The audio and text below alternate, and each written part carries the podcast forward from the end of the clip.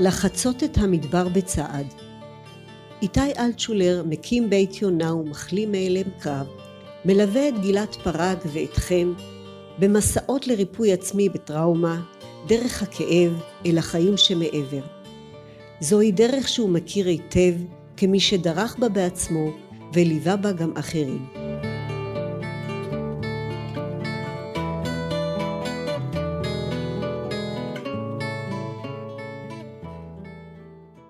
פרק 11 מעגלי תמיכה איתי סיפר לי פעם שהתגובה הבריאה בעת טראומה היא כמו של ארנב שנכנס למחילה, הוא מחכה שם, עוצר את הנשימה עד שהסכנה תעבור.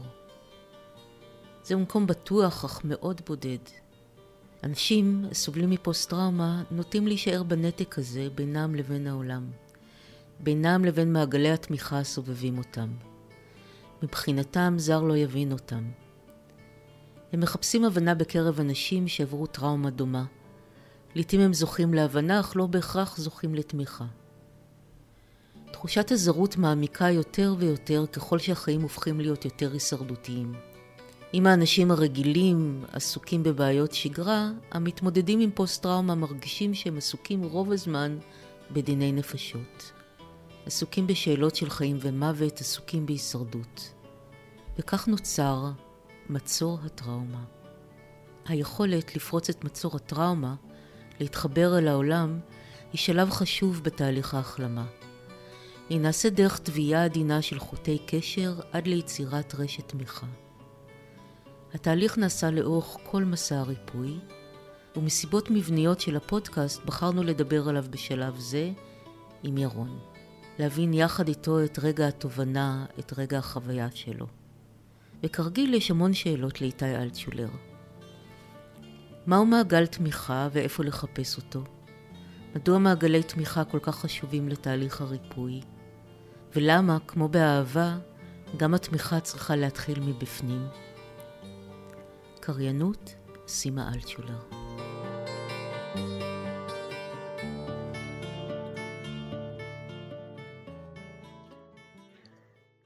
רק לנשום לאט ובנחת. כשירון חזר הביתה מחמישה הימים האחרונים בבית יונה, היה בו משהו אחר, אך לא היה מי שיראה זאת. הוא המעיט לבקר בבית הוריו, והחברים שפגש מפעם לפעם לא שמו ליבם לזוטות מעין אלו, והבודדים שכן, לא מצאו לנכון לציין זאת. אולי זאת דרכם של גברים. חזרתי הביתה נפעם מהסיגמנט האחרון מבית יונה. שנים לא הרגשתי כל כך נראה, כל כך נתמך. שנים לא הרגשתי שאני יכול לשחרר, לעזוב ופשוט להיות. שנים? אולי אף פעם לא הרגשתי כך. האפשרות שקיימת אפשרות כזו של מנוחה בין אנשים הפכה להיות סוג של תקווה, הפכה להיות סוג של הבנה מה תהיה בשבילי הבראה. המקום היחיד עלי אדמות שהרגשתי כך היה כשעשיתי קורס צלילה לפני שנים רבות. אחרי שרכשתי את כל המיומנויות הנדרשות לצולל, מסכה, הורדת משקולות, ולמדתי קצת להתאזן במים, התחלתי להרגיש שאני בעולם אחר. חשתי שאני יכול לעזוב את הכל ולנוח, רק לנשום לאט ובנחת. הדגים והאלמוגים המדהימים שראיתי היו קינוח שבא אחרי המנה העיקרית. יכול להיות שכדאי לי לחזור לצלול יותר. הכעסים שלי הרחיקו אותי מעצמי כל כך שבמהלך השנים שכחתי מה עושה לי טוב, מה יכול לעשות לי שקט בראש ומה יכול לקרב את עצמי לעצמי. לא פעם אני שואלת את עצמי, האם גם מעל המים אפשר להרגיש כך, לעזוב את הכל ולנוח? האם גם בחיי היומיום אוכל לזכות להרגשה הזו, לפחות לפרק זמן? אני מתבונן אחורה על חיי ועל מי שתמיד איתי. אמא ואבא שווים וצפים למולי. הם פשוט תמיד שם. כל כך שם עד שאני לוקח את נוכחותם כמובנת מאליה. אילולא הם, כנראה לא הייתי יוצא למסע הריפוי הזה. אילולא הם, כנראה לא הייתי שב לראותם מחדש באור אחר. ובכל זאת התמיכה שהם יכולים לתת לי, תמיכה שבה אוכל לפחות לרגעים להיות מתחת למים, היא מסויגת. דאגתם לי מרחפת מעלינו כעננה שמונעת ממני לשחרר, לשתף, להיות חלש עד הסוף. ודאגתי להם, אף היא מונעת ממני ללכת עם הדברים עד הסוף. אבל בזכות הדרך שעשיתי בחצי השנה האחרונה, פתאום אני מסוגל להעריך את מה שיש בנוכחותם, נוכחות ההולכת ונמוגה אל הזקנה, ולא להתמקד במה שחסר ובלתי אפשרי. וכשאני חושב על כך ברגעים אלה, ליבי מתרחב ונמס. אני שואל את עצמי לקראת המפגש הבא עם רונית, אפרת ושאולי, האם תהיה מבוכה כשניפגש שוב, או תחושות הקרבה והתמיכה יעמיקו? ידידי המוכר, השד של חוסר האמון שהתבסס בתוכי בעקבות המלחמה, מיד קופץ ואומר את דברו, מכווץ אותי וסוגר. אך אני, כתלמיד טוב, אומר לו, אולי יש צדק בדבריך, בוא נחכה יחדיו עוד קצת, ואז נדון בנושא שנית. והוא שזוכה לכבוד והתייחסות, נעתר לבקשתי ומניח לי מעט. מתיישב לצידי במרחק סביר להזכיר לי שהוא כאן ומחכה לי שאתפנה. שלום איתי. שלום גילת. אנחנו מדברים היום על ירון ומעגלי תמיכה ורשת תמיכה ואחר כך תסביר לנו מה ההבדל בין שניים. אבל קודם כל יש קטע באמת מאוד מרגש בפרק הזה שירון עובר אה, רגע מאוד מאוד חזק. רגע של היזכרות ורגע של התעוררות. אתה יכול להסביר לנו קצת יותר או לתאר קצת מה זה הרגע הזה? טוב, דיברת על שני רגעים שונים, אחד של היזכרות ואחד של הבנה עמוקה של האפשרות להיתמך, או למעשה האפשרות לשחרר בשביל להיתמך. זה קשור לחוויה שהוא עבר בפגישה האחרונה ש, של הקבוצה בבית יונה. הנושא השני הוא פשוט היזכרות ברגע מסוים בחיים שבו הוא חווה חוויה עמוקה של תמיכה שבאופן אה, שונה מהמצופה הייתה קשורה דווקא לפעילות בטבע מתחת למים ושתי החוויות האלה הם אה, מין איזשהו איזושהי נקודת פתיחה להרחבת רשת התמיכה ו...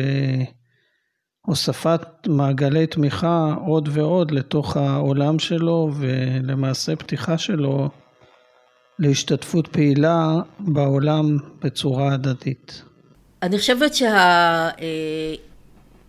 שההערה שהייתה לו מהפגישה עם החברים בקבוצה הייתה הערה אמ, שכלית.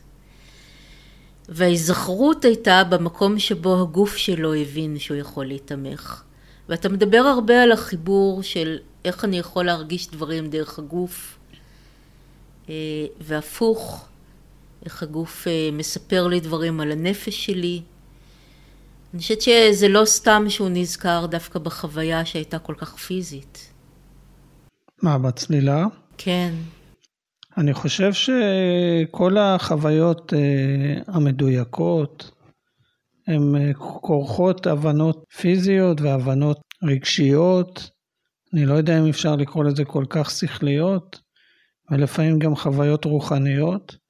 הנושא של תמיכה והיות חלק מהעולם היא חוויה בראש ובראשונה חוויה רוחנית, שבו אני לא מושלך אל העולם, אלא אני חלק ממנו וכל העולם עובר דרכי ואני יכול אה, אה, למצוא בו בתוך העולם מקלט מפני הקשיים של החיים.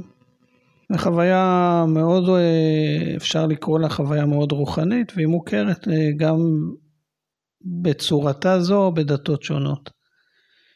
לא יודע אם לדבר הזה התכוונת, אבל uh, החוויה הזו של השחרור שהוא חש במסגרת הסיפור שהוא סיפר לחברים והנוכחות שלהם, הייתה שילוב של uh, חוויה של נעימות, של איזה שחרור, זה בא יחד עם, עם בכי שהוא גם דבר משחרר.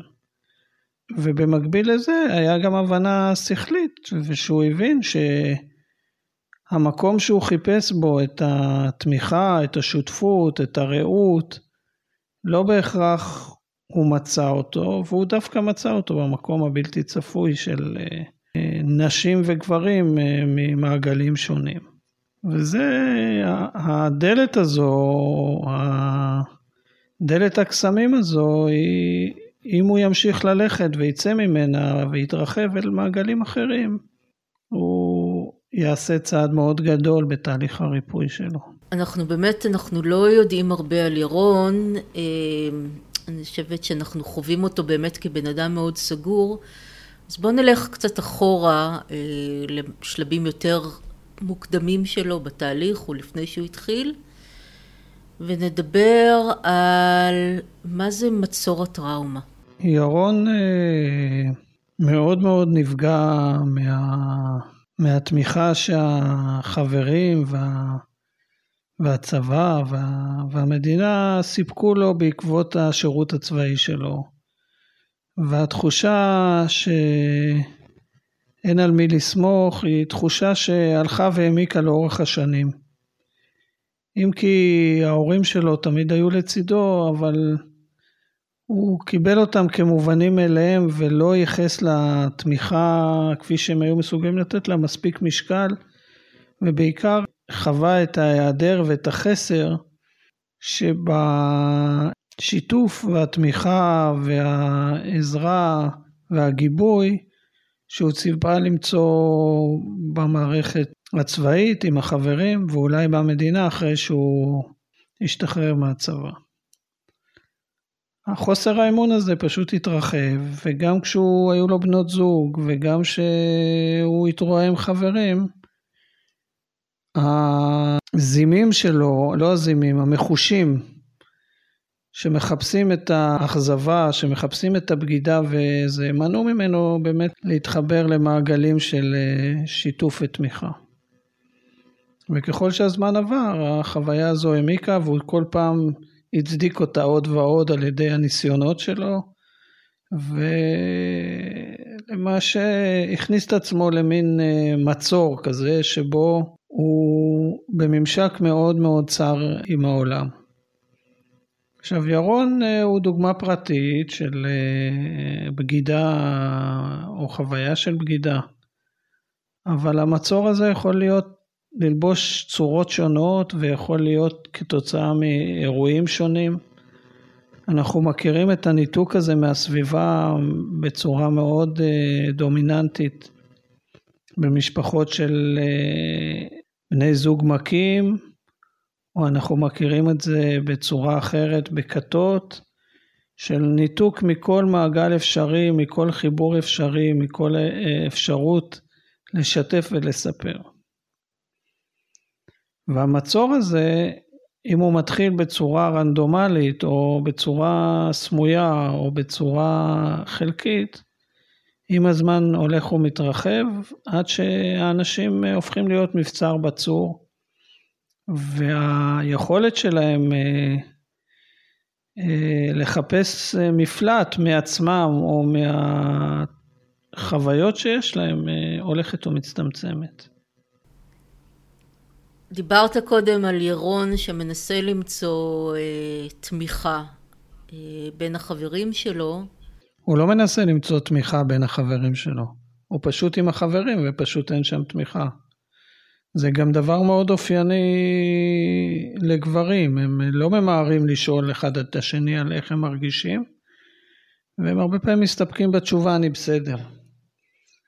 אה, אני לא יודע איך זה אצל נשים, אבל אה, משום מה התרשמתי שזה טיפ-טיפה שונה, אבל uh, כשאדם נכנס למבצר שלו, מעט, מעט הם האנשים שינסו בעיל ברזל להבקיע את החומות. רוב האנשים מקבלים את זה טוב, הוא סגור, הוא טוב, הוא לא רוצה לדבר על זה, טוב, הוא יתגבר, הוא אדם חזק וכו' וכו' וכו'. אז זה בנושא החברים.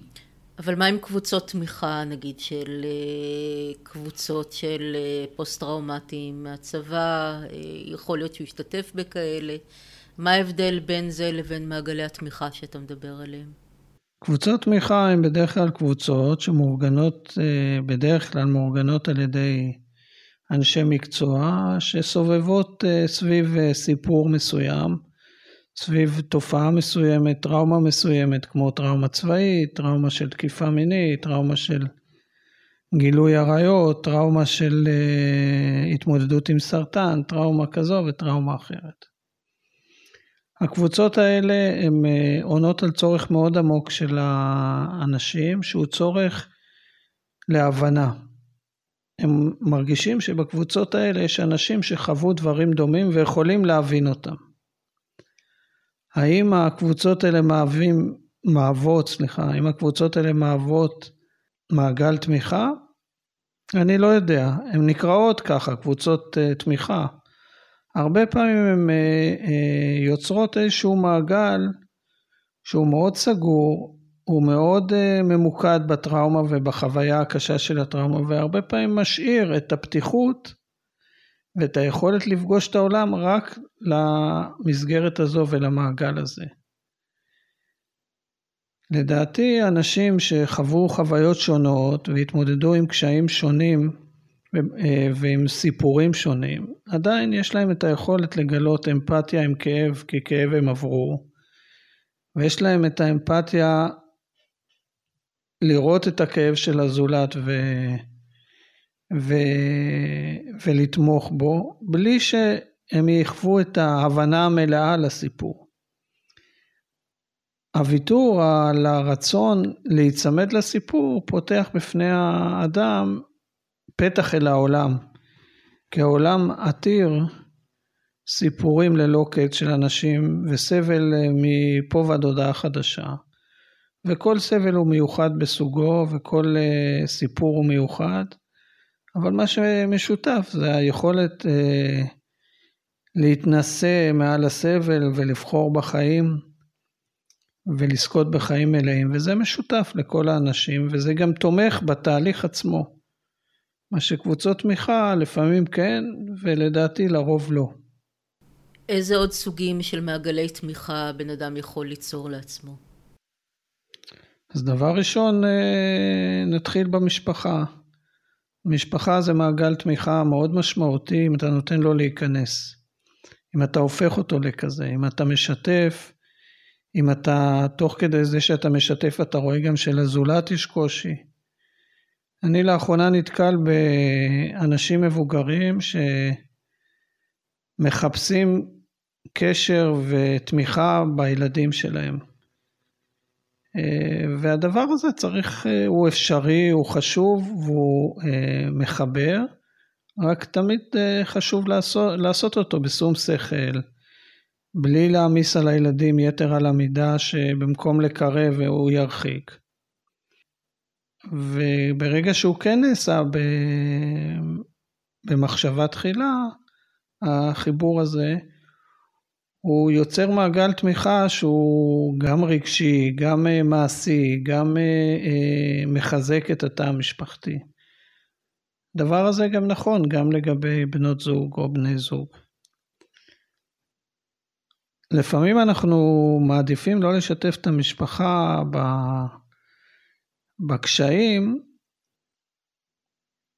בגלל שאנחנו דואגים להם, בגלל שאנחנו לא רוצים להכביד עליהם, בגלל שאנחנו לא רוצים להציב אותם, בגלל שאנחנו לא רוצים להדאיג אותם. והמניעים האלה הם לא תמיד נכונים, כי, ה... כי בני המשפחה יש להם הרבה יותר כוחות ממה שאנחנו בתור מתמודדים עם פוסט טראומה חושבים שיש להם. כשאתה לא משתף יש סבל מאוד גדול מהצד השני. נכון, השתיקה או האי ההבנה או החוסר אונים, כל אלה אה, גורמים לסבל לא פחות גדול מאשר הידיעה וההתמודדות והמפגש עם הכאב של, ה, של הקרוב המשפחה. אז זה אה, מעגל אחד. מעגל שני כמובן הוא החברים. גם מתוך החברים יש לבחור את החבר המתאים בפינצטה בשביל אה, אה, להתעמך בו אה, ולא לעשות את זה במידה שתגרום להתרחקות של החברים. מהי המידה? כל אחד יודע לעצמו. אה, דבר נוסף, כמובן יש אפשרות לעשות את זה עם אנשי מקצוע, פסיכולוגים, עובדים סוציאליים, או קבוצות תמיכה כאלה, כמו שדיברנו, שזה בליווי אנשי מקצוע בדרך כלל. Mm-hmm. זה קבוצות התמיכה המקובלות. קבוצות התמיכה הפחות מקובלות הם אה, חברים שהם חברים לעניין, לתחום עיסוק, לתחביב, ל... ששם ככה על הדרך פתאום צפים דברים ואנשים אה, אה, מוצאים לנכון לשתף ואחר כך כל אחד הולך לדרכו ואין את העומס הזה של ה... המסע ש... של הגילוי, של הידיעה, של הבושה, אמ, זה, זה מעגל נוסף. מעגל אה, שאנחנו בדרך כלל לא חושבים עליו בתור מעגל, זה מין עיסוקים. עיסוקים בדרך כלל יצירתיים כמו אה, מוזיקה, ציור, אולי תיאטרון, וחיפוש ה... אה, יכולת לשתף את מה שאני עושה במסגרת המדיום הזה, להביע, לשתף, אה, אה, למצוא מענה, למצוא תמיכה בעשייה עצמה.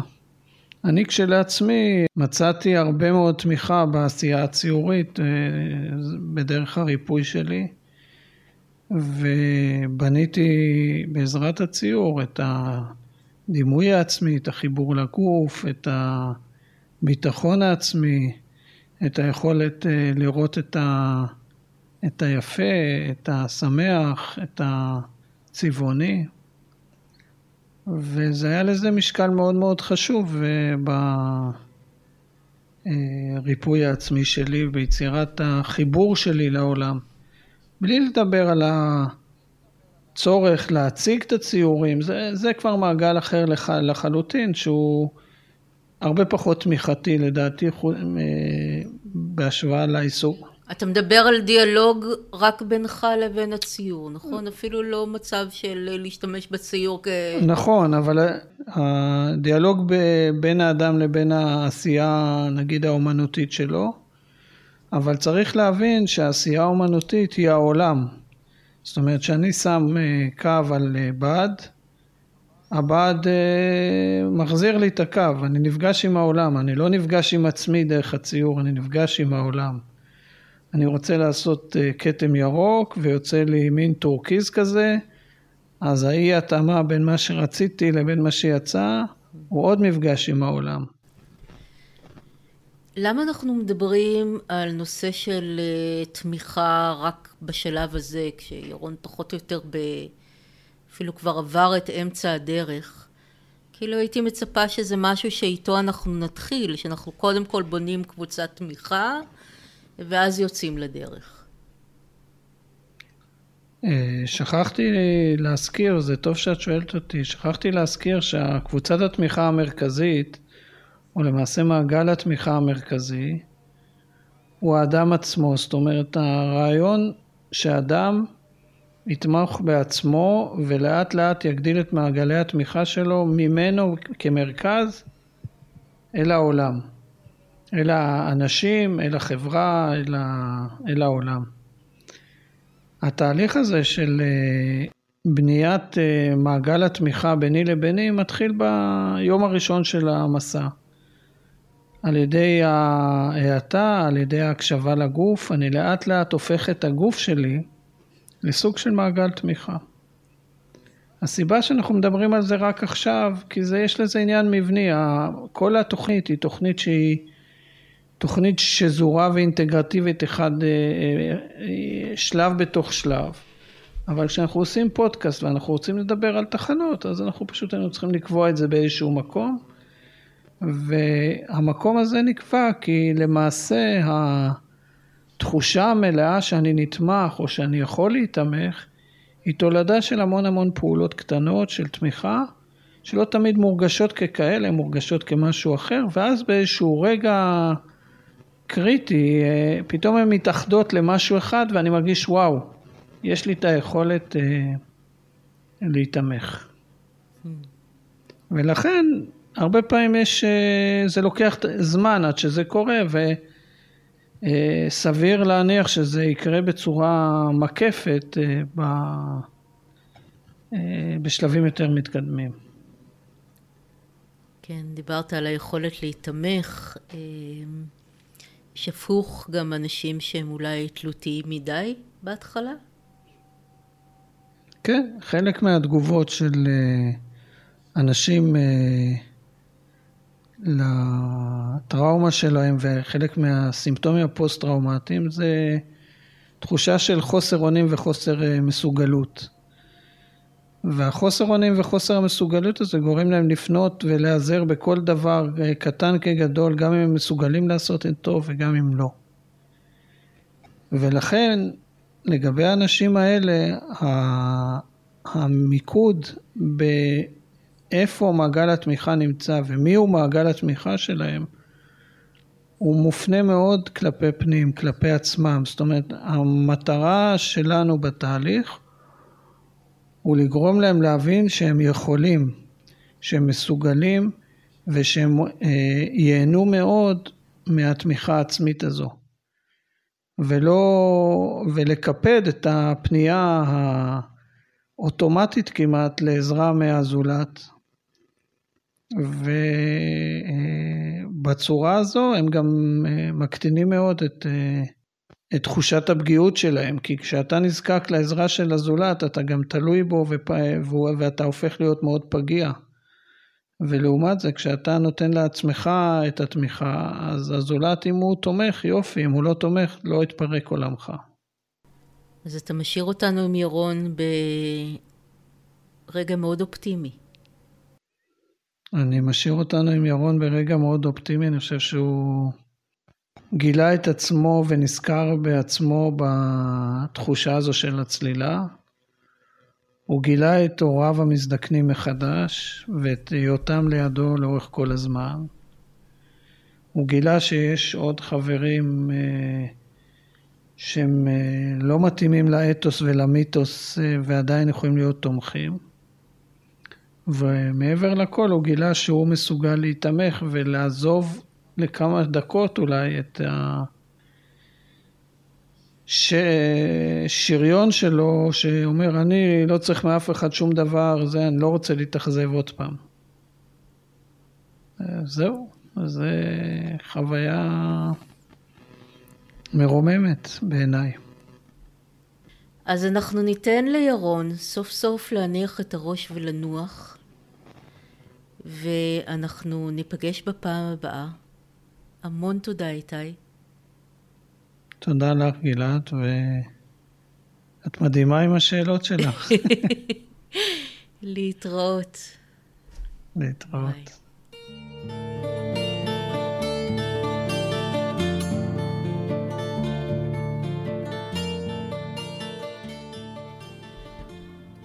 אם תרצו להרחיב על הנושאים שעלו בפרק הזה, היכנסו ללינק בטקסט המצורף לפודקאסט. ובכלל, בבלוג היסוד החי תוכלו למצוא עוד רשומות רבות בנושאי השיחה שלנו. וזה גם הזמן לספר לכם שתוכלו להצטרף למסע ריפוי עצמי מפוסט-טראומה בכל זמן שתרגישו שאתם מוכנים לצעד הראשון. חפשו את פרויקט היסוד החי או לחצות את המדבר בצד ודברו עם איתי.